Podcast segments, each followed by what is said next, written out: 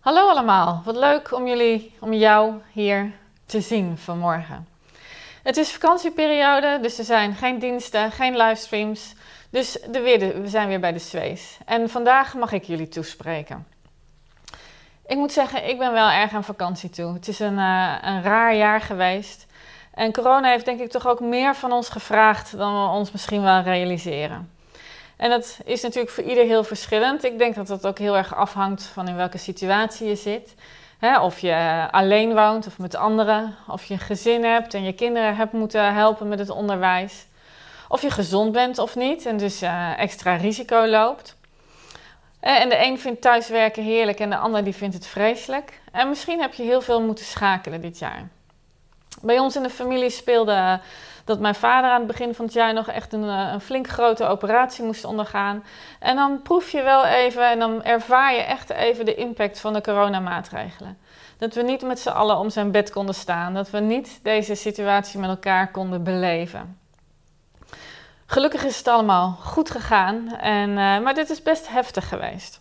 En zo hebben we dit jaar allemaal onze dingen gehad die anders liepen dan we hoopten of dat we verwachten. En dan nu is het vakantie. We kunnen weer meer, we, mogen weer meer. En het is tijd om uit te rusten en bij te tanken en om ritmes los te laten en routines los te laten. En ik sprak laatst een moeder van kleine kinderen en die zei: uh, Je spreekt als het in de, over vakantie gaat vaak over dat het een tijd van rust is, maar voor mij is het helemaal geen tijd van rust met de kinderen thuis. En dat is ook zo. Het kan juist heel druk zijn. En toch is het een tijd die de vakantieperiode, een tijd die het normale ritme doorbreekt. Met het idee dat het doorbreken en het onderbreken van dat ritme tot ontspanning leidt. Tijden van rust en tijden van vakantie zijn deel van ons leven. Het zit in het schoolritme, het zit in het werkritme en het is ook een deel van Gods ontwerp. Eh, God zelf rustte uit op de zevende dag van de schepping. Hij droeg zijn mensen op om één dag in de week rust te houden. En in het Oude Testament lezen we dat God de mensen opdroeg om het werk neer te leggen en feesten te vieren, die soms wel drie weken lang duurden, zoals bijvoorbeeld het paasfeest, Pascha. God heeft een patroon in zijn schepping gelegd waarin tijden van rust zijn ingebouwd, om op die manier rust te vinden midden in onze omstandigheden en midden in ons leven. Maar ja, als een heleboel dingen ook door blijven gaan en onze aandacht blijven vragen, hoe vind je dan die rust? Hoe kun je dan in die drukte tot ontspanning komen en weer opladen? Ik heb al eens eerder in een preek aangehaald het voorbeeld van de uh, Cayman-eilanden. Dat is een verhaal wat ik nogal fascinerend vind. De Cayman-eilanden is een eilandengroep in het Caribisch gebied. Palmbomen, wit strand, blauwe zee, heerlijk weer. Uh, en een, een, eiland die in onze ogen, ogen paradijselijk lijkt. Nou blijkt uit onderzoek dat de twee meest voorkomende aandoeningen op dat eiland, in die eilandengroep, is een hoge bloeddruk en angststoornissen. Twee stressgerelateerde aandoeningen. Kennelijk is het leven op zo'n tropisch eiland ook niet helemaal wat het lijkt. In onze ogen zijn het misschien de ideale omstandigheden om tot rust en ontspanning te komen. Maar kennelijk zijn angst en zorgen en stress daar ook een onderdeel van het leven. Kennelijk zijn die omstandigheden in zo'n, op zo'n paradijselijk eiland met rust, warmte en zee niet voldoende voor een stressvrij leven. Zou het kunnen zijn dat het niet per se de omstandigheden zijn die maken dat we de stress en de drukte en de onrust ervaren, maar dat het misschien wel van binnenuit komt? Dat niet de omstandigheden bepalend zijn voor of we rust en ontspanning kunnen ervaren, maar dat er in de omstandigheden, hoe ingewikkeld dat ook kan zijn, er rust en ontspanning te vinden is. Een rust die niet afhangt van of ik op een onbewoond, tropisch, paradijselijk eiland in een hangmat hang, of thuis zit in quarantaine, of met kleine kinderen om me heen ben, maar een rust die van binnenuit komt. God heeft een patroon van ritme gecreëerd, een ritme in de schepping gelegd als een soort antwoord op de omstandigheden van ons leven. Een patroon waar rust in gevonden kan worden. Midden in de drukte en midden in de chaos van het leven. Ook in zo'n onrustige tijd als deze coronatijd. En voor God is die rust een serieuze zaak. Hij heeft het vastgelegd in zijn schepping, hij heeft het vastgelegd in zijn wetting, wetten. Rust is voor God een heilig principe.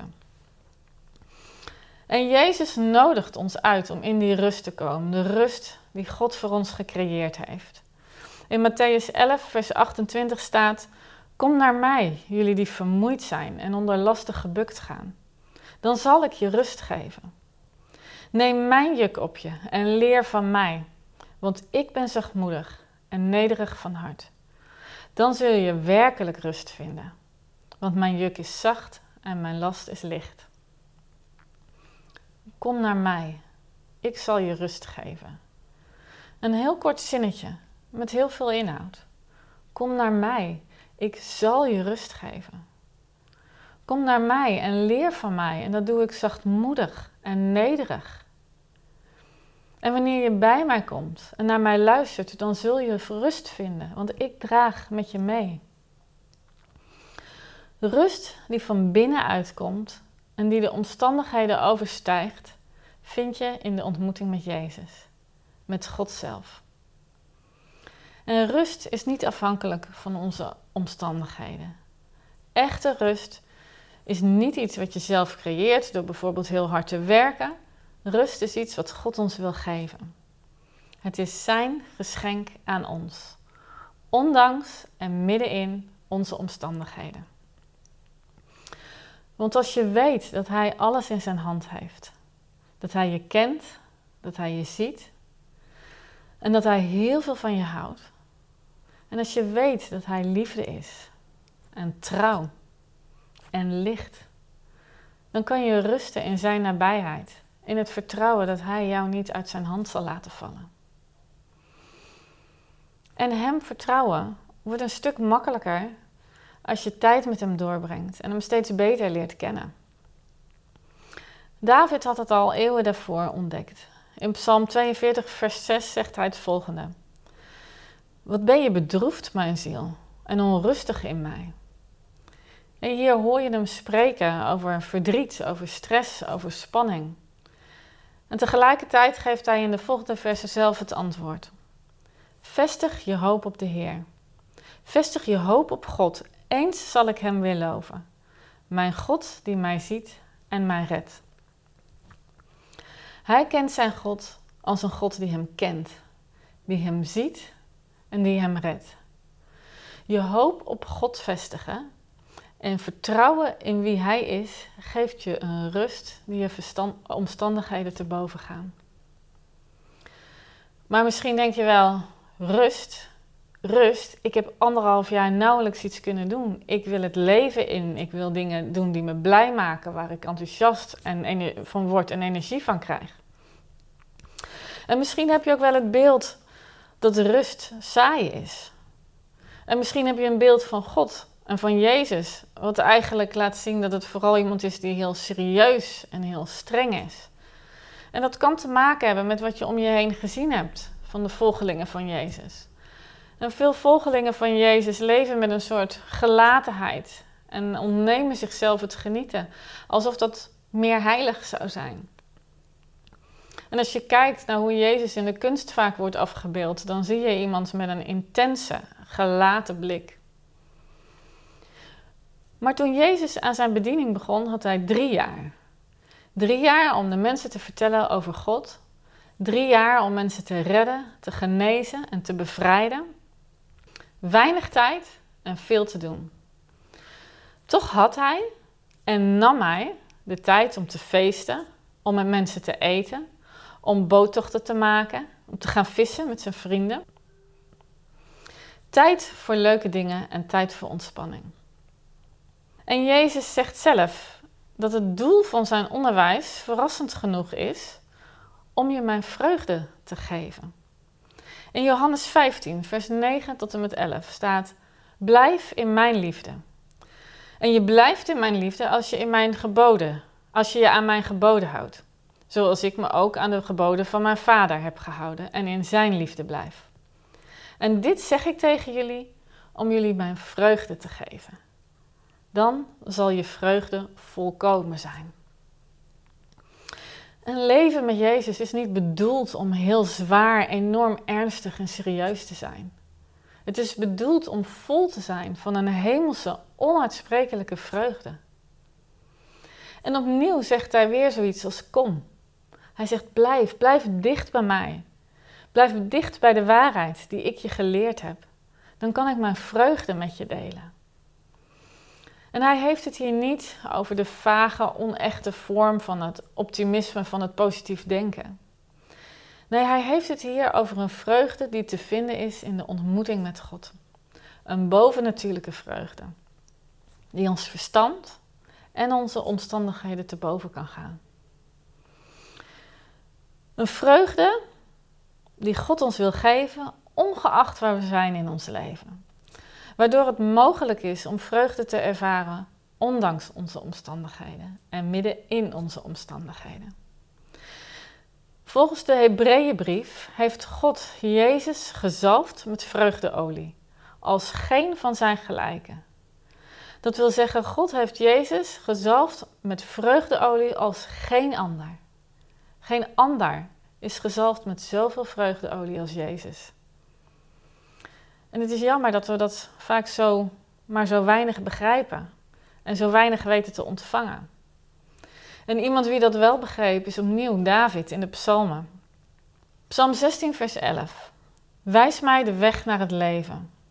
Overvloedige vreugde in uw nabijheid. Voor altijd een lieflijke plek aan uw zijde. Weet je, moeite en pijn en verdriet, die zijn onontkoombaar in ons leven.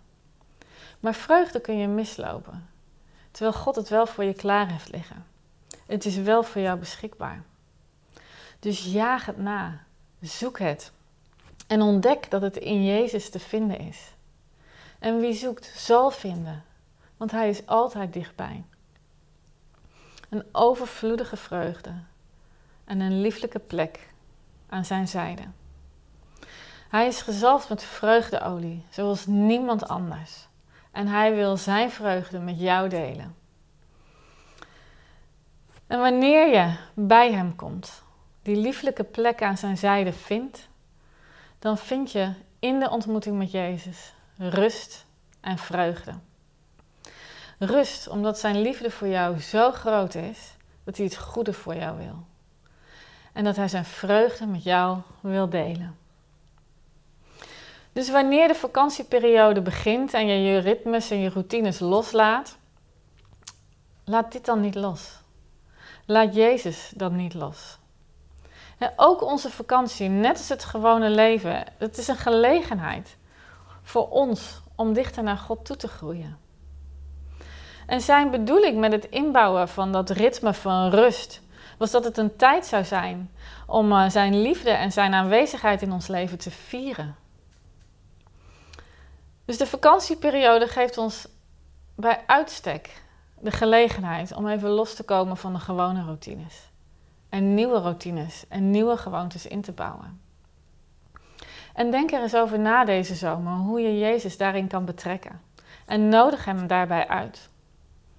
En praat erover. Vraag eens aan iemand die je kent, in wie je die rust en die vreugde herkent. Hoe hij dat ziet of hoe zij dat doet. Leer van elkaar. Praat met elkaar erover. En als je dat doet, bid voor elkaar. Leer van elkaar. Zegen de ander met wat jij ontdekt hebt. En uh, laat je zegenen door de wijsheid en de ervaringen van een ander. En nodig Jezus daarbij uit. Verderop in de zwee staan ook nog wat tips hoe je daar bewust mee aan de slag kan gaan deze zomer. Maar ik wil je echt aanmoedigen om deze tijd, om in de vakantie, deze tijd van rust, waarin niet zoveel moet en waar niet zoveel hoeft, echt te investeren in de meest belangrijke relatie die je hebt, die met Jezus. En Hij is het echt waard. En deze wereld heeft mensen nodig in wie die rust en die vreugde van binnenuit stroomt. Heb een goede zomer.